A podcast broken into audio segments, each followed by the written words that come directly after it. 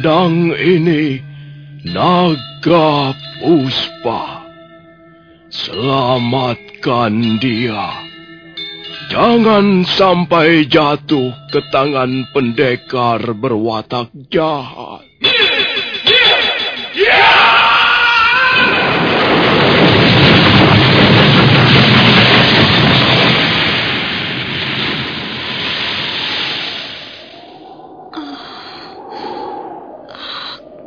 Kamandano.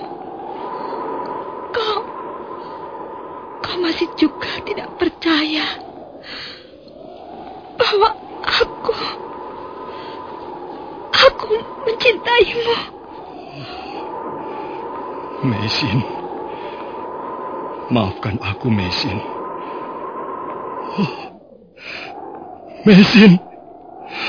Oh, Mesin!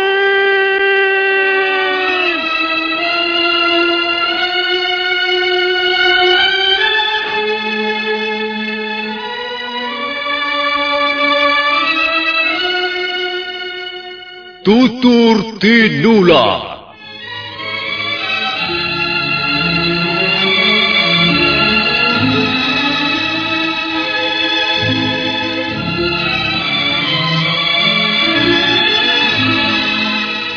Sebuah sandiwara radio serial, produksi Sanggar Cerita dan teater Sanggar Prativi.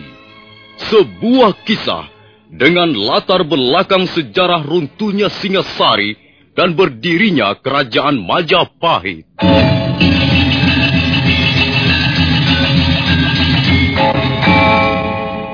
Sandiwara ini didukung oleh pemain-pemain radio yang sudah ternama. Ferry Fadli, Ivone Rose, dan Eli Ermawati.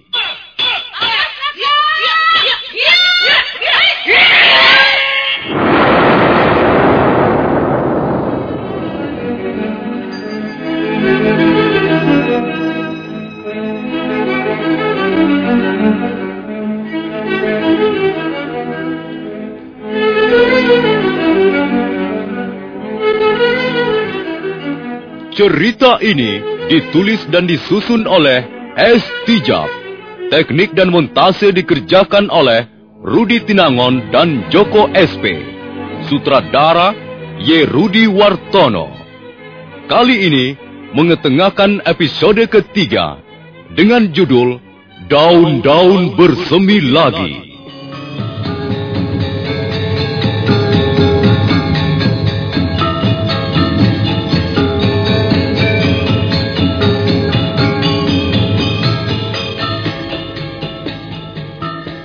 Dalam seri yang ke-66 ini didukung oleh para pemain Haryoko sebagai Empu Renteng, Empratomo sebagai Kebok Luyur, Idris Afandi sebagai Macan Kombang, Narto sebagai Adisara, Ivon Rose sebagai Sakawuni, Surya Tanjung sebagai Jaran Lejong, Wenda Lubis sebagai Jaran Bangkal, Edi Dosa sebagai Lo Sisan, Eli Ermawati sebagai Mesin, dan pembawa cerita Nusri. Selamat mendengarkan.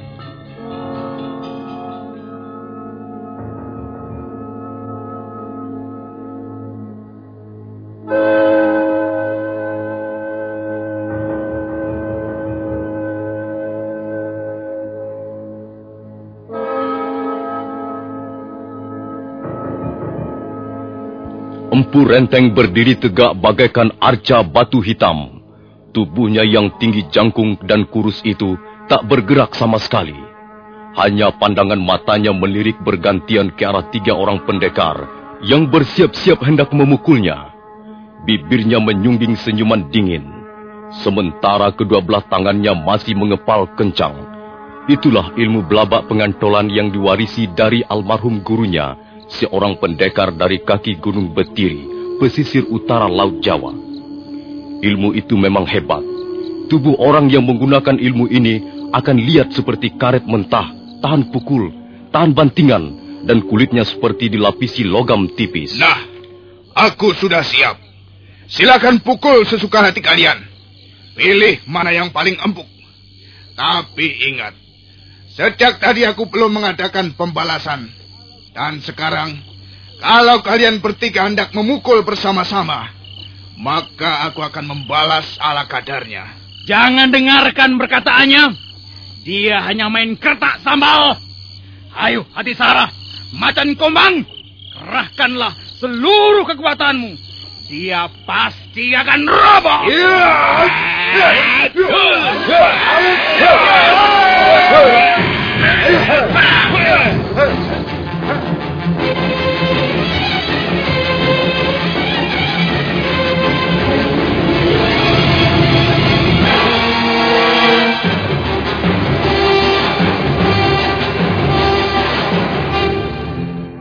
Ayo, bangunlah. Jangan menyuruk-nyuruk di atas semak seperti layaknya babi hutan. Ayo, bangunlah. Hei, mengapa kalian masih belum bangun? Bukankah Empu Renteng tak mempunyai apa-apa?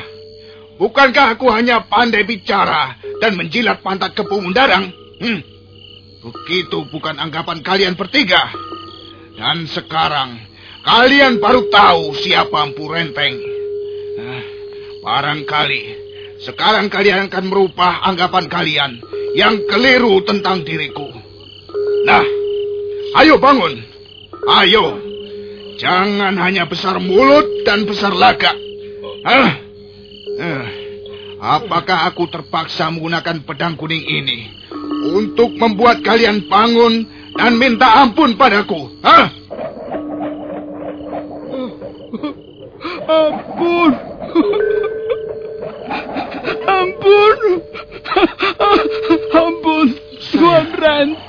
Juga minta ampun. Kami, Ampun. kami Ampun. merasa bersalah. Iya, iya. Kami, kami mengaku bersalah. Kami, kami tidak akan berani melakukannya lagi. Tuhan, ampun Tuhan, ampun. Sekarang ini, sebenarnya aku dapat dengan mudah mencabut nyawa kalian. Oh, jangan Tuan Renteng. Jangan. Kami masih hidup. Kami sudah mengaku bersalah. Kami sudah mohon ampun. Janganlah kami dibunuh. Percayalah, kami kami tak akan mengulangi berbuat kurang ajar lagi pada Tuhan. Memang, aku tidak akan membunuh kalian. Aku membutuhkan kalian. Mulai sekarang, kalian harus tunduk, taat, dan patuh pada perintah-perintahku. Nah, mari ikut aku. Ba- ba- baik Tuhan. Baik, Tuhan. Baik.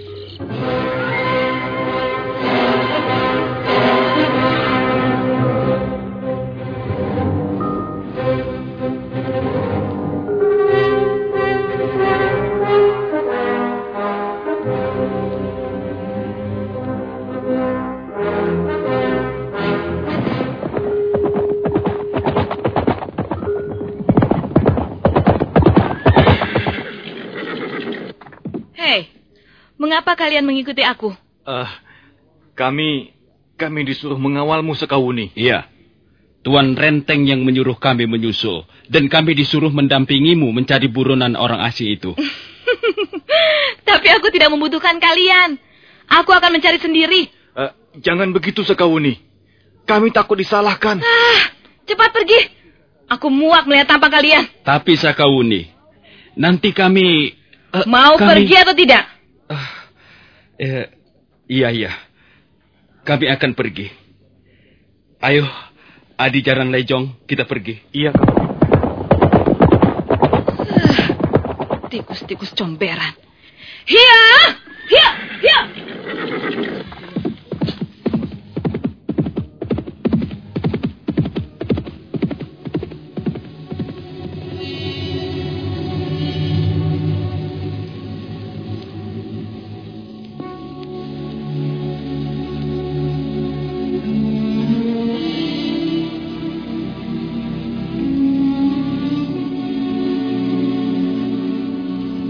Malam terus merangkak ke arah fajar pagi. Malam semakin tua renta.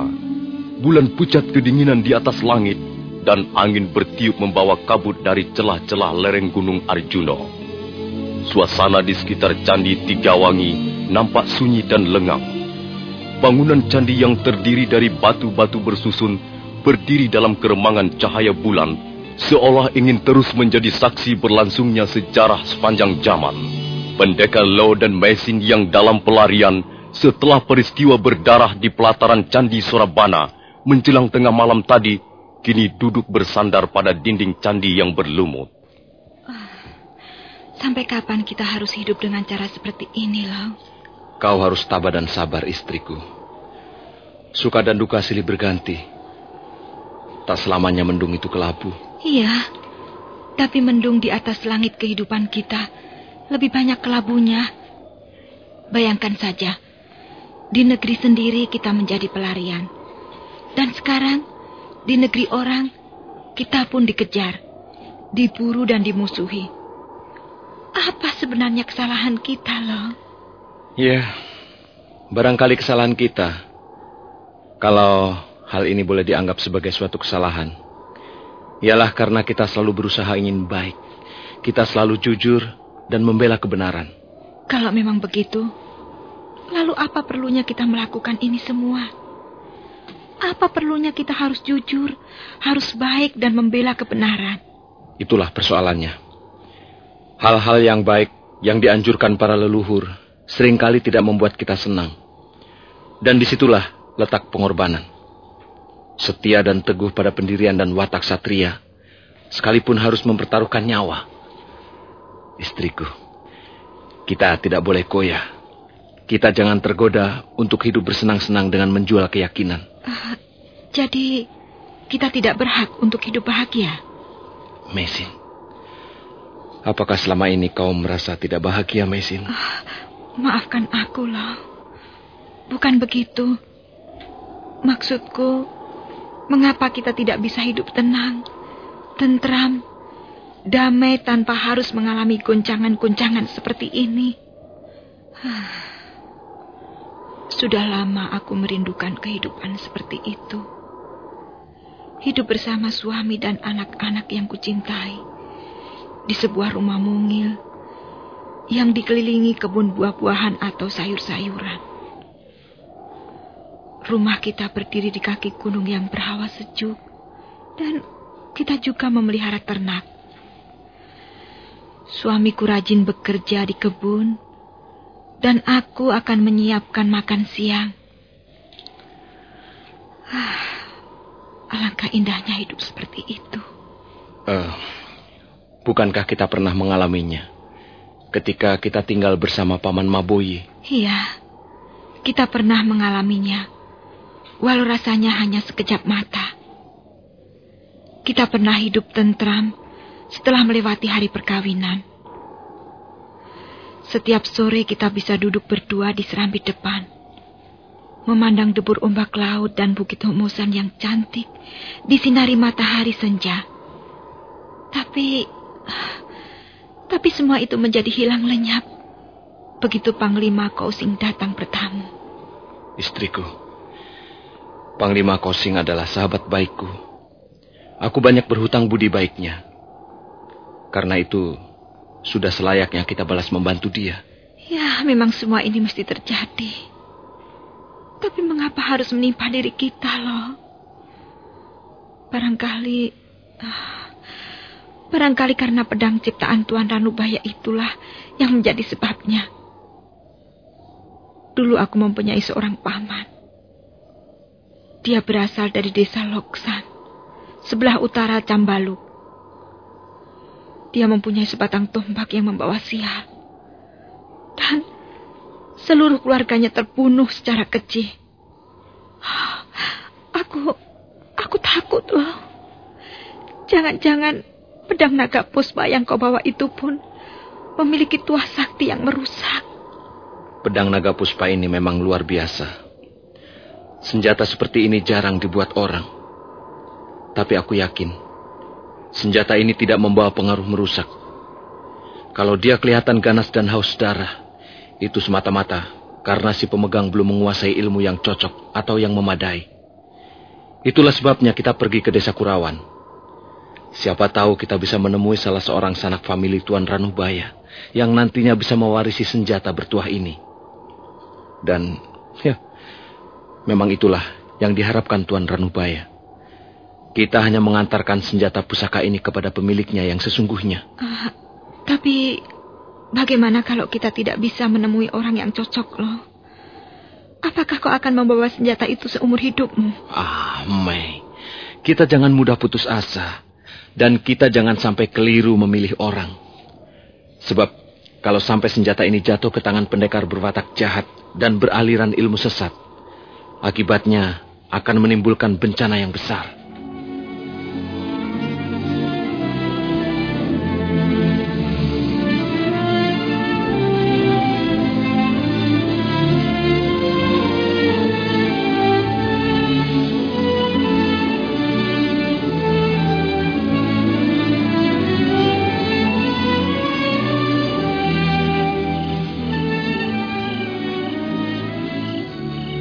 Maisin masih kelihatan meragukan apa yang dikatakan Lau Sisan suaminya. Mereka masih bercakap-cakap untuk sesaat lamanya. Angin bertiup lembut. Karena lelah dan rasa kantuk, akhirnya mereka tertidur. Pendekar Lau terbangun ketika malam tinggal sejengkal lagi. Dia terkejut melihat istrinya tak ada di sampingnya.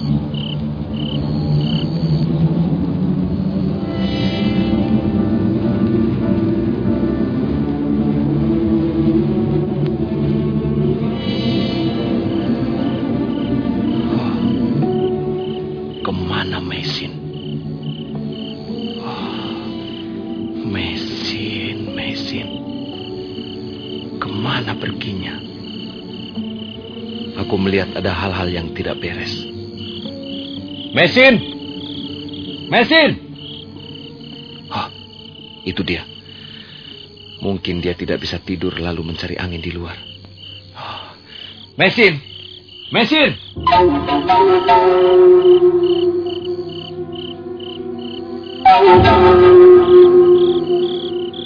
Oh, kau. Kau bukan mesin. Siapa kau? Masa kau lupa padaku, Tuan Lu? Coba kau ingat-ingat lagi. Hmm, uh, uh, iya, iya, iya, aku ingat. Kau, kau adalah gadis aneh yang pernah kutemui di tengah hutan tarik. Waktu itu, kau sedang memanggang daging burung. Ya, rupanya Tuan Lu masih dapat mengingat pertemuan kita beberapa hari yang lalu. Uh, apa sebenarnya yang Tuan cari di tempat ini? Hah, Akulah yang sebenarnya yang harus bertanya begitu. Mengapa kau tiba-tiba berada di tempat ini? Hmm, oh iya. Sepertinya aku dapat mengingat. Ya, walau samar-samar. Bukankah kau berada dalam pelataran Candi Surabana? Jadi siapa kau ini sebenarnya? Apakah kau termasuk kaki tangan orang yang bernama Emputong Bajil itu? Itu adalah urusan pribadiku. Tuan Lu tidak perlu tahu. Lalu mau apa kau datang kemari? Apakah kau mau menangkap aku? Tuhan tidak perlu curiga. Aku datang dengan maksud yang baik. Barangkali saya bisa memberikan petunjuk yang berguna kalau memang Tuhan membutuhkannya. Hmm, sebenarnya hendak pergi ke manakah Tuhan? Kami hendak pergi ke desa Kurawan. Oh, Kurawan letaknya di sebelah timur dari sini. Besok pagi Tuan bisa menyongsong matahari terbit menuju kaki gunung Anjasmara. Tuan terus saja menyusuri kaki gunung itu, memutar ke arah timur laut. Desa Kurawan terletak di balik kaki gunung Anjasmara, yang bersebelahan dengan kaki gunung Arjuno. Oh, iya. Terima kasih atas keteranganmu yang sangat berharga ini. yang harus Tuan ingat sekarang ini ialah jangan sampai Tuan mendekati wilayah kota Daha dan janganlah Tuhan singgah di desa di sekitar daerah ini. Karena Tuhan sedang dicari-cari. Lebih baik Tuhan menghindari desa atau tempat-tempat yang ramai. Hmm. Apakah persoalanku sudah sampai ke tangan pemerintah Kediri? Kebo Mundarang adalah patih Kediri. Tentu dia akan mengirimkan banyak telik sandi untuk melacak tempat persembunyian Tuan. Uh, baiklah. Saya akan menuruti nasihatmu. Tapi Uh, uh, uh, ada apa, Tuan? Uh, kau, kau, kau pencuri pusuk. Kau sudah mencuri pedangku. Uh, dan sekarang kau berpura-pura baik padaku, ha? Uh, Sabar Tuan Lo, sabar. Hah. Coba jelaskan apa yang terjadi. Aku tidak percaya padamu, pada semua keteranganmu. Kau pasti kaki tangan pemerintah Kediri. Oh, aku sudah terjebak rupanya. Aku tertipu. Hmm, ayo, sekarang kembalikan pedang itu. Ayo. Iya. Iya. Tunggu, Tuan. Tunggu. Tunggu. Jangan keburu nafsu. Aku tidak mengambil pedang Tuan. Bohong. Pasti kau pencurinya. Dan mungkin sekarang ini kau sudah menangkap dan menawan istriku. Kurang ajar kau. Hei! Hei! Maaf, saya tidak bisa melayani Tuhan. Kau harus mengembalikan pedang itu dan juga istriku. Kalau tidak, aku akan berbuat nekat. Aku tidak peduli siapa kau sebenarnya dan aku akan mengejarmu sampai ke batas cakrawala. Ayo, kembalikan pedang itu. Kembalikan juga mesin istriku. Aku tidak mencuri pedang Tuhan. Dusta. Terserah. Tuhan mau percaya atau tidak. Tapi aku berkata yang sesungguhnya. Maaf, aku tidak bisa lama-lama di tempat ini. Hei, awas! Jangan lari kau! Jangan lari, pencuri busuk!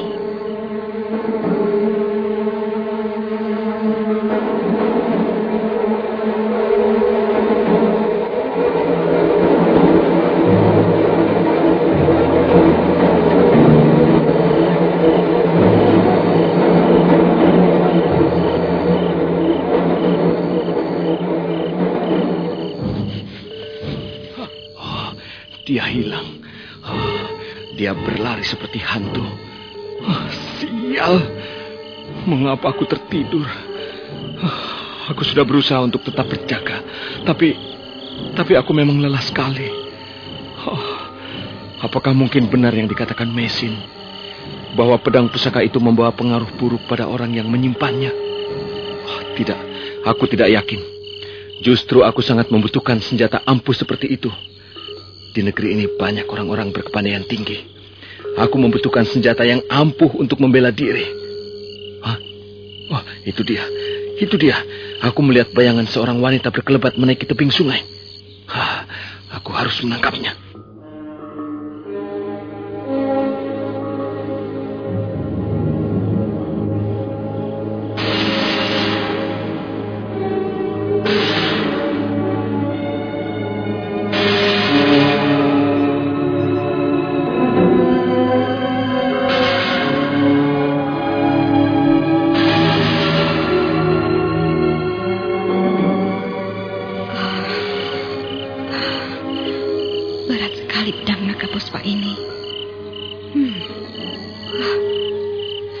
Sampai pegal dan kejang.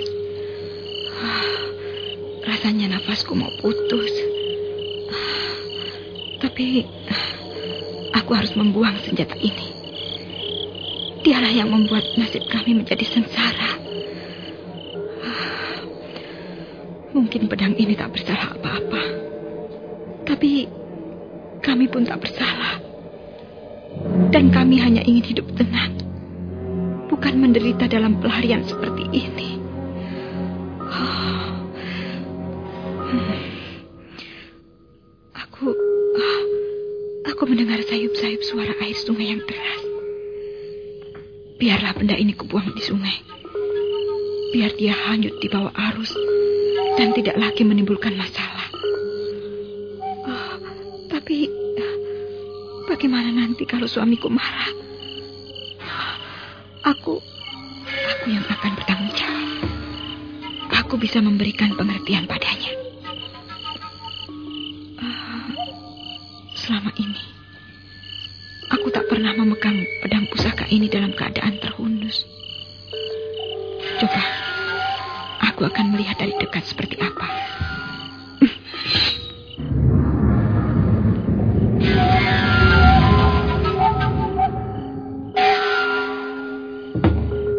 apa. Mesin terpana begitu melihat dari dekat pedang naga puspa yang kini sudah terhunus di tangannya. Tangannya menjadi bergetar dan tubuhnya menggigil tanpa tahu apa sebabnya. Memang selama ini dia hanya melihat dari jarak yang cukup jauh dan belum pernah menggenggam senjata itu dalam keadaan terhunus.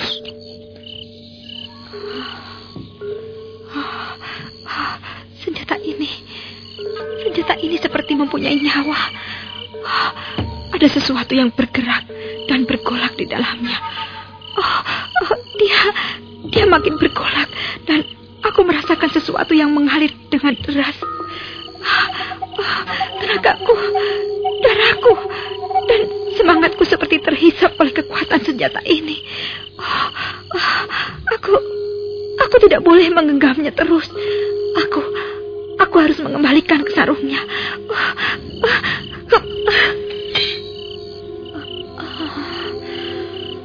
sungguh luar biasa senjata ini. Dia membawa pengaruh yang aneh sekali. Dan pengaruh itu menyerap dengan ganas sekali. Hmm. Aku semakin yakin. Pedang inilah yang membuat kami menjadi sengsara. Dia membawa pengaruh jahat yang tak tahu dari mana datangnya. Maisin istri pendekar Lao Sisan yang keturunan bangsa Mongolia itu semakin bertekad untuk membuang pedang naga puspa. Wanita cantik berpakaian serba sutra itu baru saja melangkah beberapa tindak ke arah datangnya suara air sungai ketika mendadak dua bayangan berkelebat menghampirinya.